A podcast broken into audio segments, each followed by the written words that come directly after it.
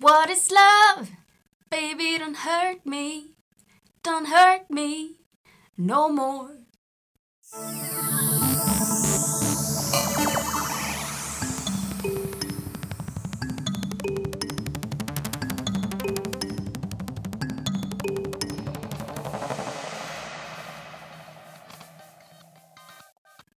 Nu sitter vi här! Japp, och vi är inte två, vi är tre. Ja.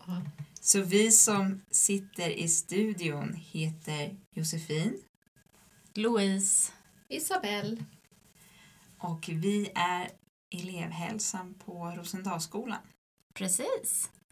Och jag, alltså Josefin och Isabelle jobbar även på Olympiaskolan Mm. och jag, Josefin, jobbar även på Karbyskolan. Så, då har vi fått in alla, alla skolor som vi jobbar på. Och vad jobbar du med, Isabelle? Jag är skolsköterska. Ja.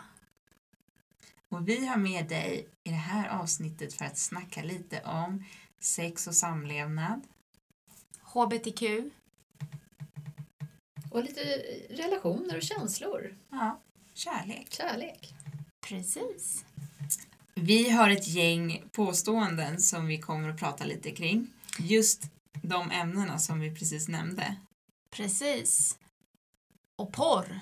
Och porr, ja. Mm. Och kärlek i olika åldrar. Så håll i hatten, för nu blir det åka av. Jajamän! Nu kör vi! Man kan vara kär när man är tio år. Det stämmer bra. Och när man är 70 år kan man också bli kär. Man kan bli kär i alla åldrar. Ja, och ibland kanske det är på lite olika nivå. Mm. När man är 70 år kanske man har djupare kärlek. Och kärlek kan se olika ut beroende på hur länge man också har känt den som man är kär i. Och man kanske kan känna kärlek till mer än bara person. Man kanske kan känna kärlek till djur. Eller till eh, någon nära släkting, familjemedlem, kompis. Fast då tänker vi kanske en annan kärlek än den kärleken som ger pirr i magen och att man vill pussa och hångla. Exakt, då kanske det är en kärlek utan attraktion. Precis. Och man kan vara kär i eh, samma kön. Absolut. Och man kan vara kär i motsatta könet. Precis. Kan det vara så att man kan gå genom hela livet utan att vara kär? Ja, men det tror jag. Absolut. Det tror jag också. Mm. Mm. Mm. Tror ni att alla är fine med det? Jag tänker om man inte ve- vet om hur det känns att vara kär så kanske man inte vet vad man ska sakna heller. Nej, så kan det vara. Sen kan det ju vara att man har förstått att kärlek är en ganska nice känsla och att Mm. man gärna söker efter den. Men att man inte riktigt hittar den. Tänker jag. Mm. Ja, precis. Det kan ju vara lite både och. Både att man inte kanske vet vad man saknar om man inte har upplevt det. Men att man kanske också någonstans letar efter någonting. För att man kanske känner sig ensam. Mm. Och också att det finns en norm. Att man ska hitta kärleken och vara kär och hitta en partner kanske. Det finns mycket normer kring det här med kärlek. Ja, verkligen. Eller? Att det ska vara på ett visst sätt, tänker du? Ja. Mm. Så är det ju. Det, Det finns mycket, det finns mycket strukturer som man förväntas följa så, men eh, det behöver man ju inte göra. Nej, har vi blivit bättre då på att, att eh, skrota de här normerna? det tror jag inte. Jag tror att de fortfarande finns kvar. Inbyggda i oss. Mm. Mm. Men jag tror på något sätt att i och med att liksom sociala medier och internet och allt sånt den frammarschen och att det finns numera fler eh, vad ska man säga, flera goda förebilder och folk som vågar visa normbrytande eh, mönster eller normbrytande, de är helt, helt enkelt normbrytande inom, inom det här. Då, då tror jag att fler vågar och jag tror att eh, de som inte är normbrytande kanske skapar en större acceptans. Vi kanske har blivit bättre på att eh, prata om det. Alltså lyfta, belysa att det finns normer. Mm. Och i och med att man gör det så kanske vi förhoppningsvis har kommit längre till att se att det finns så många olika sätt att leva sina liv på och så många olika sätt att känna kärlek. Men jag tror absolut att strukturerna finns där, knackar på dörren och gör sig påminda nästan hela tiden. Ja. Och som normbrytande tror jag att det tyvärr är en ständig kamp att, att behöva, inte hävda sig kanske, men att behöva kämpa mot det här. Ja, jag tror att omgivningen förväntar sig att, att man ska ha en partner. Ehm, och ehm, ja, ett förhållande och Mm. senare skaffar man barn. Och, Exakt. Och att det är en partner av motsatt kön. Kanske. Ja. Och att det är lite det här kärnfamiljen. Volvo, hund och hus. Volvo, villa, hund och hus. Nej. Volvo, villa, vovve. ja, just det. Volvo, villa, vove. Lite så. Och gärna två barn kanske. Ja, Mm. VVV. www plus två barn. Ja. Ja, men lite det och att eh, sen kan det ju se lite olika ut i olika kulturer förstås. Eh, I en annan kultur så kanske det är mer norm att man ska ha ännu fler barn. Eh, gärna att barnen är av ett speciellt kön. Kan det, så vara, alltså, kan det se ut. Eh, beroende lite på vad, vad, vad man, vilken kultur man tillhör. Mm. Eh, Precis. Och då kanske den här äh, blir något att fundera över. Tjejer väntar på killars initiativ. Mm. Både när det gäller att ta initiativ till sex eller, eller att liksom ragga och försöka inleda ett förhållande. fast jag tror att det blivit vanligare att tjejer har tagit lite mera initiativ. Mm. Ja, absolut. Om jag bara vänder mig till mig själv så var det jag som, som eh, flörtade med min sambo första gången. Mm. Så det vet jag, att så är det. Nej, precis. Och det kanske är en, eh, en, en, en gammal bild. Ja, Det tror jag. Förr var det ju så att eh, då satt ju flickan och väntade på att pojken skulle bjuda upp till dans. Mm. Om vi går tillbaka väldigt långt i Ja. tiden. exakt. Apropå det här med normer så blir ju det en bild som var kanske mer förut men att det kan ju också ändras lite Ja. med över tid. Mm. Jag tänker så här på när man är lite äldre och ut och ute på klubben och sånt där, då är det nog väldigt eh, vanligt att det är killen som ska komma fram och eh, ragga. Men ragga kanske är ett gammalt ord, man kanske inte använder det längre. Men, men sen jag tänker så här mer ungdomsmässigt eh, jag tänker mer så här på, ja, men jag vet inte, man börjar snacka på sociala medier och sånt där. Det kanske blir en lite mer djupare process eller man, man flörtar lite i skolan eller sånt där. Att, att det inte är egentligen någon som tar, alltså att det inte är självklart vem som tar initiativ utan att det är, är båda som, som är lika involverade och man liksom att det blir lite så här bollas fram och tillbaka liksom. Eh, och att man väntar på att den andra ska ta nästa steg och så, så att det blir lite mer som ett lite mer samspel. Det lite sätt. mjukare sätt att ta kontakt. Ja, Till slut så vet man inte riktigt vem det är som har tagit första initiativet eller inte. nej. Precis. För det är ju inget fel att tjejer tar initiativ. Nej, gud nej. Det måste vi göra. Ja, Ja. Eller att killar tar initiativ eller att tjejer tar initiativ eller till en tjej eller till en kille eller Ja. hur, hur man nu... Mm. exakt. Nej men precis, det är ju inte fel att en kille tar initiativ. De, det behöver ju inte liksom... Om man tänker på den gamla, de gamla mönstren som man såg liksom... Det behöver inte switcha om helt och att det bara är tjejer som ska ta initiativ. Heller. Det är ju liksom... Kör på! Nej, nu uppviglar jag. Nej, det måste ju komma naturligt. Det måste ju komma utifrån en känsla, vad man själv, vad man själv vill.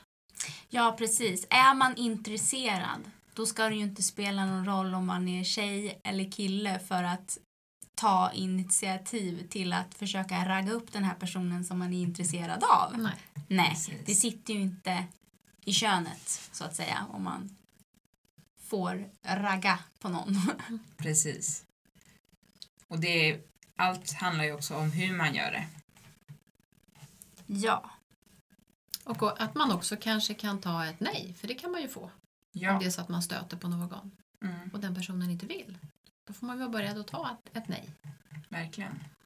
Att inte självkänslan får sig så stor törn att det, det blir otrevligt liksom. Man blir otrevlig och kanske på något sätt känner att man måste kränka den andra personen. Så det är en ganska vanlig grej tror jag. Vad tror Mm. ni? Ja, det tror jag också. det kan jag också tänka mig. Just för att man kanske egentligen blir väldigt ledsen och väldigt besviken. Och sen för att rädda upp sig själv lite så känner man att man måste kanske trycka ner någon annan. Mm. Och det är ju big no-no. Mm. Mm. Men däremot så får man verkligen bli ledsen och besviken, tänker jag. Det får man bli. För att det finns ju inget som gör så ont som att bli alltså ehm, Bortvald. bortvald. Mm. Precis, bortvald. Den olyckliga kärleken. Ja, dumpad är inte heller kul. Nej. Nej. Men det är väl hur man agerar på de kä- känslorna. Och hur man... Eh, det är ganska vanligt att sådana saker sker hela tiden. Och nästa gång så är det den personen som, som blir dumpad eller eh, blir nekad eller så. Och att det kanske inte behöver vara du som, som ger tillbaka. Liksom. Oftast brukar karma lösa sig själv. Nej. Man får försöka hitta ett sätt som man kan förhålla sig till det. Verkligen. Ja, och ett sätt kan ju just vara det att man någonstans känner att man kan acceptera känslan av att man blir ledsen och att man får bli ledsen och besviken. Att det är en helt naturlig känsla i ett sådant sammanhang. Mm. Mm. Men sen då det här med sex då? Tjejer ställer ibland upp på sex fast de inte vill. Mm. Det tror jag kan förekomma. Absolut. Och varför gör man det? Egentligen. Varför ställer man upp på något som man egentligen inte vill? Kan det vara att man är, man är kär i den här personen så man vill inte göra Mm. illa den Mm. kanske? Att man kanske är rädd att ehm, personen ska berätta om det. Om man säger nej och eh, ja, att det skapas rykten kanske. Att han kanske går till någon annan tjej istället som är mera villig? Mm. Mm. Fast det är jätteviktigt tänker jag och det gäller ju både tjejer och killar att man inte ställer upp på någonting som man själv inte känner att man är redo för. Att man inte vill. Exakt. För jag tror absolut att det kan vara att killar också ibland ställer upp på sex fast de egentligen inte vill. Ja, Det är ju det här lite grann att man att som kille ska man alltid vara sugen och, och villig utifrån vad, vad normerna li- lite normer som finns. Att ofta ska man vara, vara het på gröten hela tiden. Liksom. Ja, man brukar ju prata om en machokultur eller machonorm. Just i- där ingår väl lite just det. Att killar alltid ska vara sugna och redo och vilja ha sex. Men det är ju inte alltid det ser ut så heller. Nej. Lika väl som det inte alltid ser ut så för tjejer. Nej. Och att det för tjejer kan se ut så att man kan vara redo och sugen på sex och eh, så. För vissa, men, men det är så svårt att veta. Liksom. Men det är lättare för tjejer att fejka. Killar är lite svårare för de måste ju få stånd. Mm. Och det kanske de inte får om de inte har lust och är sugna. Exakt. Så det blir lite svårare för dem. Det kan ju handla om att, att man känner attraktion till den andra personen men att man inte vill för att man kanske är i förhållande med någon annan. Eh, eller att man kanske vill vänta med sex till man har gift sig. Men att man hamnar i en situation där attraktion och, och kroppen reagerar positivt till, till sex fast man rent tankemässigt eller så egentligen känner att man, man vill vänta. Hur skulle man kunna göra då om man är i den situationen och är på gång att ha sex men känner att man inte riktigt vill? Är det okej att säga nej när som helst? Ja, det är okej att säga nej när som helst. Ja, man måste kunna avbryta om man inte känner att det här känns okej. Så det kan vara, alltså det kan vara innan man ska ha sex, det kan vara mitt i och under när man har sex. Man kan alltid säga nej. Mm. Det är ju bra att veta och viktigt att veta och påminna sig själv om. Exakt. Det kanske är lite lättare sagt än gjort också. Att, att, men att det är viktigt för en själv så att man inte känner efteråt att man egentligen inte riktigt ville. Liksom. Eh, Nej, då kan man ju få den där känslan av att, att man känt sig utnyttjad. mm. Och tänk att det inte är så lätt för den andra personen, tjej eller kille, där man har, har sex med att, eh, att veta att man inte vill om man inte säger till. Eh, och att, att känna sig utnyttjad av någon som inte vet att den utnyttjar på det sättet, är det så, då, då kan det bli, bli jobbigt för flera personer. Mm. Det finns ju vissa saker som, som ju blir väldigt tydligt i, i signaler i, i vad man vill och inte vill oavsett om man säger ett nej eller inte. Ehm, till exempel så kan man ju inte ge ett samtycke till sex om man sover till exempel för då är man ju inte vid medvetande. Nej. Precis. Nej. Finns det fler sådana exempel? Ja, om man skulle ha druckit som man är berusad. Precis. Exakt. Om man inte är vid... Eh, om man inte kan prata med personen och, och fråga är du sugen på sex? Då är det oftast ett gott tecken på att den personen inte kan ge sitt samtycke. Precis. Och sen kan man ju läsa av på kroppsspråk också, tänker jag. Om någon vill eller inte. Exakt. Så ibland finns det ju situationer också där ett, ett verbalt uttryckt nej inte heller spelar någon roll om man har sagt eller inte sagt. För att den andra personen ska bara veta att det är inte okej Mm. att ha sex med, nu med den här personen. Exakt. Det är också bra att veta. Mm, Mm. verkligen. Det ska vara kul. Det ska vara kul för båda, för alla. Ja. För båda, det kan ju vara fler. Man kan ju ha sex med flera samtidigt. Det kan man ha. Mm. Och då är, det, då är det verkligen nog att alla, att alla vill vara med.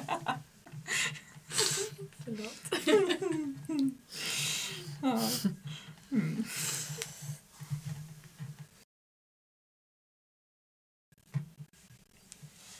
Okej, men eh, porrfilmer då? Kan de ge bra sexualupplysning?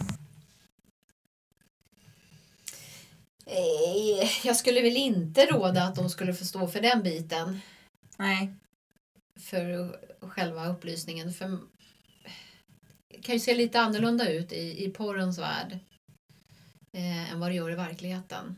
Ja, precis. Och det kanske man som ung inte tänker på. Man kanske tror att det man ser det är det som, som sker och det är det som, som, som det ska vara. Mm. Men det ser långt ifrån ut så. Ja.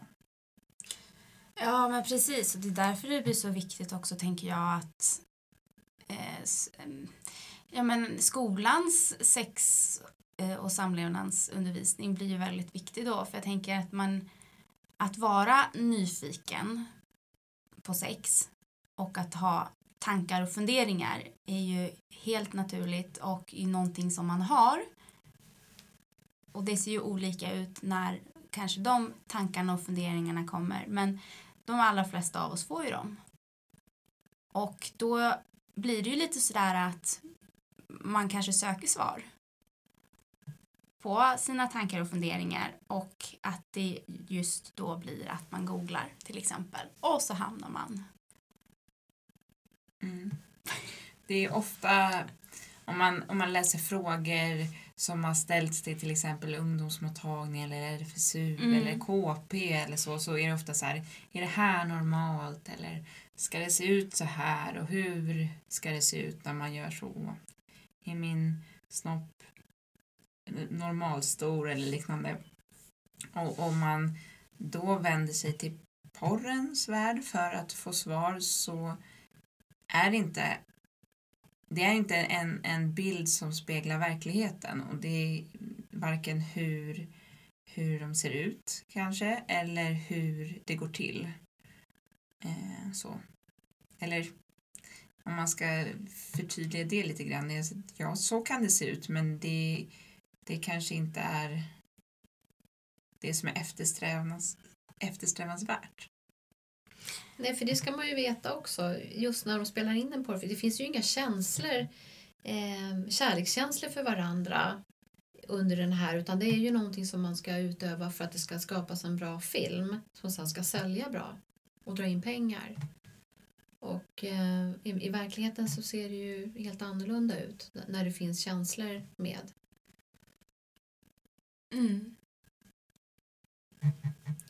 Verkligen. Och sen tänker jag också att det man kanske också måste fundera på att vara lite källkritisk och tänka vem är den här filmen skapad för? Vems njutning? Är det för både tjejer och killar? Eh, är det är det liksom är det okej för båda i filmen? Är det ja, det kan ju se lite, lite olika ut att, att ett, en av könen ska förnedras eller att det ska bara vara fokus på en snutning. Så och det sen ska man ha sex själv sen och tror att det är det som gäller då kan det bli då kan det bli inte så bra helt enkelt. Nej men precis, man kan ju göra illa varandra. Exakt. På många olika sätt. många olika sätt. Och vart kan man söka information istället då? Ja. Umo.se är en bra sida man kan söka information om Mm. man undrar något. RFSU eller RFSL. Mm. Sen finns det också ganska många böcker i ämnet eh, och de brukar man kunna låna på biblioteket. Och sen så ska ju skolor ha sex och samlevnadsundervisning. Och det finns ju elevhälsa på skolor också som man kan ställa fråga till om man vill. Så att för, för att sammanfatta frågan, porr är inte en bra källa för god sexualundervisning. Det finns bättre källor. Men är porr skadligt? Eh, ja, det behöver inte vara det. Jag tror att det beror alldeles på vem individen är. Jag tror att för en del kan det vara skadligt. Och, och sen också kanske hur mycket man tittar och vilken porr man tittar på. Det finns ju riktig hårdporr och det finns mjukporr. Och tittar man på hårdporr och gör det kanske dagligen så kan det vara skadligt. Eh, och sen för vissa så behöver det inte alls vara det. De förstår att det här är en värld som inte är verklig. Det här är uppgjort. Eh, och ja, så Och då- de mår inte och- dåligt av det. Och då tänker man skadligt som ur ett liksom mer liksom kopplat till hur man tänker kring sex eller i- kan det vara skadligt rent fysiskt också? Jag tror att det kan vara på många områden. Dels så, så kan det vara skadligt för att man får en sned bild hur, hur, hur verkligheten kanske ser ut. Och när man går ut och har sex med, med, med andra så kanske man skadar dem. Eh, sen kan det också vara kanske för en själv att man känner att, eh, att man själv kanske inte är i, i, har den här fysiska formen som de har i de här porrfilmerna till exempel. Ehm, också att man, att man känner kanske skuld och, och skam över det här också, att man mår dåligt över det. Mm. Och sen är det lite också, jag tänker ur ett fysiskt perspektiv också att man söker den här äh, tillfredsställelsen hela tiden. Det blir ganska snabba kickar eh, av att titta på porr. ehm, och att man, skapar, man kan ju skapa någon form av beroende också. Det kan man göra. Ehm, och att det är svårt att få kontroll över den. Att, det är, att man alltid sen behöver titta på porr. Ja, Eh, och att då när man ska gå ut och ha sex med andra och så är det inte riktigt som, som i porrens värld och det är det man liksom nästan kräver. Då, då kan det bli svårt. mm. precis. Att man flyttar sina, sina gränser och eh, har skapat ett, ett beroende. Liksom. Ja. Och då kan det kanske vara svårt att få lust på annat sätt än just genom att titta på porr. Exakt. Men kan det vara skad... Jag tänker om man tänker på de som är med i porrfilmen. Kan det vara skadligt för dem? Det kan det nog vara. Det tror jag att det kan vara. Dels så vet vi inte varför de eh, väljer, väljer det här yrket och går in och, och spelar in porrfilm. Att det kanske finns mycket olyckligt bakom det. Att man väljer ett sånt yrke. Sen tror jag också att för att klara av det här och spela in en film så tror jag att man får stänga av ganska mycket. Du tänker stänga av? Stänga av känslorna. Ja. Jag tror också att det är mycket preparat som tas i samband för uthållighet. Eh, för att kunna ta långa scener och att det inte blir så naturligt. Mm. Och sen blir ju samtyckesfrågan här också intressant. Jag tänker att man kanske känner att man har varit med på ett visst, alltså att man är med till en viss gräns på vissa saker och sen kanske någonting förändras och ändras och att man då känner att det blir svårt att backa och säga nej. Mm. Sånt vet vi ju inte heller. Nej, vi vet inte. Det kan vara väldigt oschyssta villkor för de som är med i filmen. Det kan vara personer som har kanske tvingats in i det lite grann. Eh, och att det är att man, man blir som en handelsvara kanske. Mm. Så det finns mycket frågetecken kring hur villkoren ser ut och hur, hur pass man eller de här personerna då har gjort ett val i att välja det här yrket. Exakt. Så det liksom skulle man titta på det lite dels stort och dels smått att det kan vara skadligt att själva porrindustrin kan vara skadlig eh, och att även för personer som tittar på porr kan det för vissa personer vara skadligt också. Ja,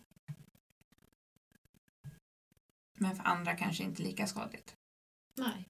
om man är medveten om, om, om att det kanske inte är en, en bra spegling av verkligheten och att man ser Mhm. Och kanske vilken omfattning man tittar på porr. Exakt. Och sen måste man ju inte titta på porr.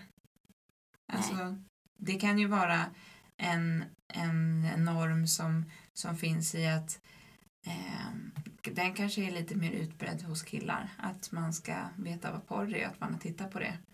Att det finns en viss eh, grupp, ett visst grupptryck att eh, nu ska man titta på porr och annars vill man inte det då är man ja, inte tillräckligt cool eller så.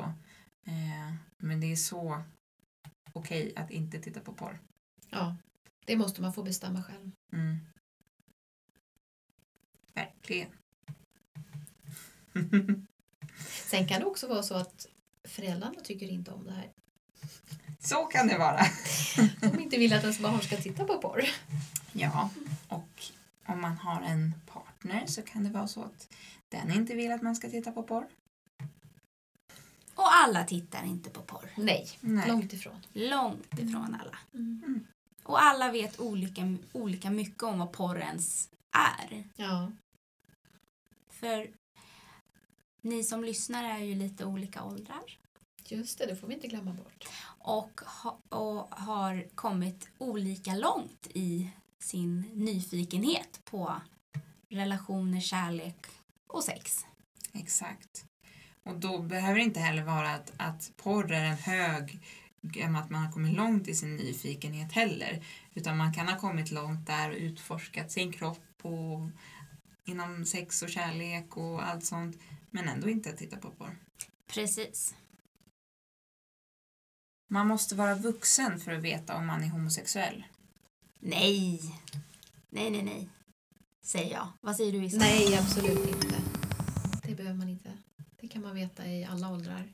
Ja, när man börjar utforska kärlek och liksom attraktion och, och sexualitet, det kan ju börja tidigt. Ja. Och man kan ju redan då veta om man är homosexuell. Men sexualitet och sexuell läggning kan ju vara någonting som varierar också. Ja, precis. Man kan testa. Testa sig fram. Och det kan ju vara så att man under en period eh, är homosexuell och att det är ens eh, sexuella läggning.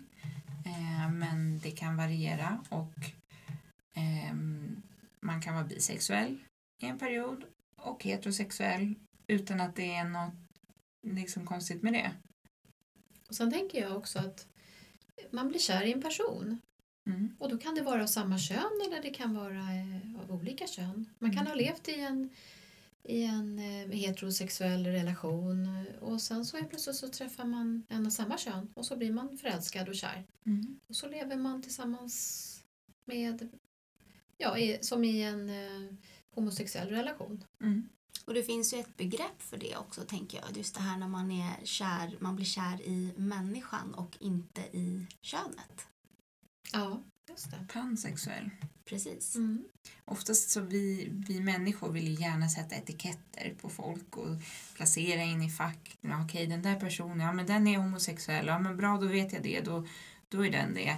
Eh, för vissa kanske, jag tror att ofta uttrycktes, uttrycks det som att det kan vara en fas och att det kommer gå över. Eh, det kanske inte är någonting som kommer gå över för en person. Men, men, eh, men att låter vi bli att etikettera eller sätta etik- och låter vi bli att sätta etiketter på människor så kommer vi alltså sexuell läggning är någonting som är upp till var och en och folk runt omkring ska inte lägga sig i så jävla mycket. Nej, helt rätt. jag håller med dig. Det, det får variera, det får vara beständigt, det får vara statiskt om det så sig vill. Eh, det får vara hur, hur det vill. Hur du vill, ja. Ja, Mm. precis. Och man kan veta det tidigt och man kan veta det sent. Ja. Och vissa kanske har tryckt undan det så, så djupt så att man, eh, man tror inte att man, att man är homosexuell. Nej. Och sen så är plötsligt så, så hamnar man i, i sånt i livet att, att man till slut vågar erkänna för sig själv Mm. att jag är faktiskt homosexuell. Mm. Om man är intresserad av att läsa lite mer om det här så har RFSL jättebra information på sin hemsida. Jag tror även att UMO Mm. har lite grann information kring det. Eh, att det kan vara bra både för sin egen del att gå in och läsa på lite grann om eh, olika definitioner och ja, ol- lite olika information men även för folk runt omkring för att bli mer öppen för att folk runt omkring en kanske inte tillhör heteronormen. Mm. Men du Louise, förra avsnittets utmaning, hur har det gått för dig där? Det har gått eh, upp och det har gått ner. Nej men det har gått eh, ganska bra på ett sätt fast kanske ändå inte om jag tänker efter. Alltså saker har ju blivit gjorda men det är nog kanske egentligen inte jag som har gjort så mycket utan Men- det är nog min sambo. Vill du påminna, vill du påminna både mig och lyssnarna om vad din utmaning innebar? Ja. jag måste påminna mig själv. Nej men utmaningen var att strukturera upp. Ja, du stod, du stod ju inför en flytt, eller fortfarande lite Ja, så. precis. Och då så skulle du skriva lista, va? eller kanske mer strukturera upp inför flytten. Strukturera upp inför flytten. Precis. Och även samla lite inspiration inför kommande renoveringar och sånt där. Ja. Precis. Mm. Det stämmer. Och, och jag har väl strukturerat upp eh, vissa saker. har jag gjort. Men eh, när det kommer till det, de lite större sakerna med renoveringen och det, då får jag nog ändå lov att säga att det är min sambo som har gjort det mesta. Okej, Men jag har strukturerat min, eh, min packning. bra. ja. Väldigt bra. ja, det är bra. Och jag har varit med på ett hörn också. Jag ska inte säga att jag inte gjort någonting. Okej. Ja. Det var väl lite så att han höll i kontakterna. Han höll i kontakterna och, och jag sa vad han skulle göra. Men ja, för att han, han kände dem sen innan. Ja, Så, så att det var ju väldigt Så det, naturligt. det föll sig naturligt. Ja. Ja. Förstår. Hur har det gått för dig då? Jo men eh, jag hade ju de här eh, lite tråkiga inköpslistorna som jag skulle skriva som jag kände så här, blä, vad tråkigt. Jag gör någonting kreativt av det. Och skulle eh, ja, göra kreativa inköpslistor. Helt enkelt. Mm. Eh, jag har gjort inköpslistor men de har inte blivit så kreativa som jag hade önskat för det tar lite tid att sitta och hålla på. Eh, och jag, alltså det hinner ju bli ett, ett par inköpslistor mellan avsnittet och så. Och nej, jag har inte hunnit göra dem så fina som jag önskat. Sen finns det ju så sjukt många bra appar till sånt där nu för tiden. Och vi, jag och min sambo är lite inne på så här hemautomatisering och sådana roliga saker. Så att vi har ju kört lite sånt också. Så att jag egentligen utmaningen att strukturera upp och ta kontroll över situationer som, som känns rätt röriga. Ur, ur det perspektivet så har jag lyckats. Sen hade la jag på en extra nyans där av att det skulle vara liksom kreativa listor och den har jag inte lyckats fullt ut med. Nej, men är inte det viktigaste ändå att saker blir gjorda då? Jo, självklart. Ja. Men det är också lite där hitta sin egen, hitta sin egen stil med det hela. Liksom, och jag tänker för, för elever att strukturera upp sitt skolarbete och sånt där. Ibland ligger nyckeln i att, att hitta det som motiverar en till Mm. att göra det här. Och jag trodde att det var att göra det mer kreativt men sen kom det in en annan, liksom det här med lite mer digitalt och sånt. Mm. Så det kanske var, Då var det kanske det som motiverade mer då? ja, exakt. Mm. Mm. Men nu har vi ju en ny utmaning för det här avsnittet. För det är dags för avsnittets utmaning. Yeah, yeah, yeah. Ja! Ja! Då vill vi utmana alla i det här rummet, alla som lyssnar, alla som läser på Instagram att bli lite bättre på att säga nej till saker som man inte är bekväm med. Precis. För alla hamnar vi ju i situationer ibland som vi kanske inte känner oss helt bekväma i. Det kan vara att någon säger någonting som man inte känner sig helt bekväm i eller ber en göra någonting som man inte känner sig helt bekväm i. Exakt. Och då behöver vi öva på att säga nej. Mer. Ja. Och det handlar ju inte om att säga nej till att gå upp på morgonen när väckarklockan ringer. Där kan man ju känna sig lite obekväm för det är så himla bekvämt i sängen. Skönt Ja, på morgonen liksom. Precis. Eh, det kanske inte handlar om att arbetsvägra och säga nej till chefen. Utan Nej. det handlar ju mer om situationer där man önskar att man kanske hade stått upp för någon eller... Eller stått upp för sig själv. Exakt. Mm. Och där man kanske inte alltid vågar, att det känns obekvämt, att man är rädd för att, ja, lite olika saker. Att, att skapa en, en dålig stämning kanske eller så. Utmaningen blir att våga, att öva sig att säga nej till sådana saker. Precis.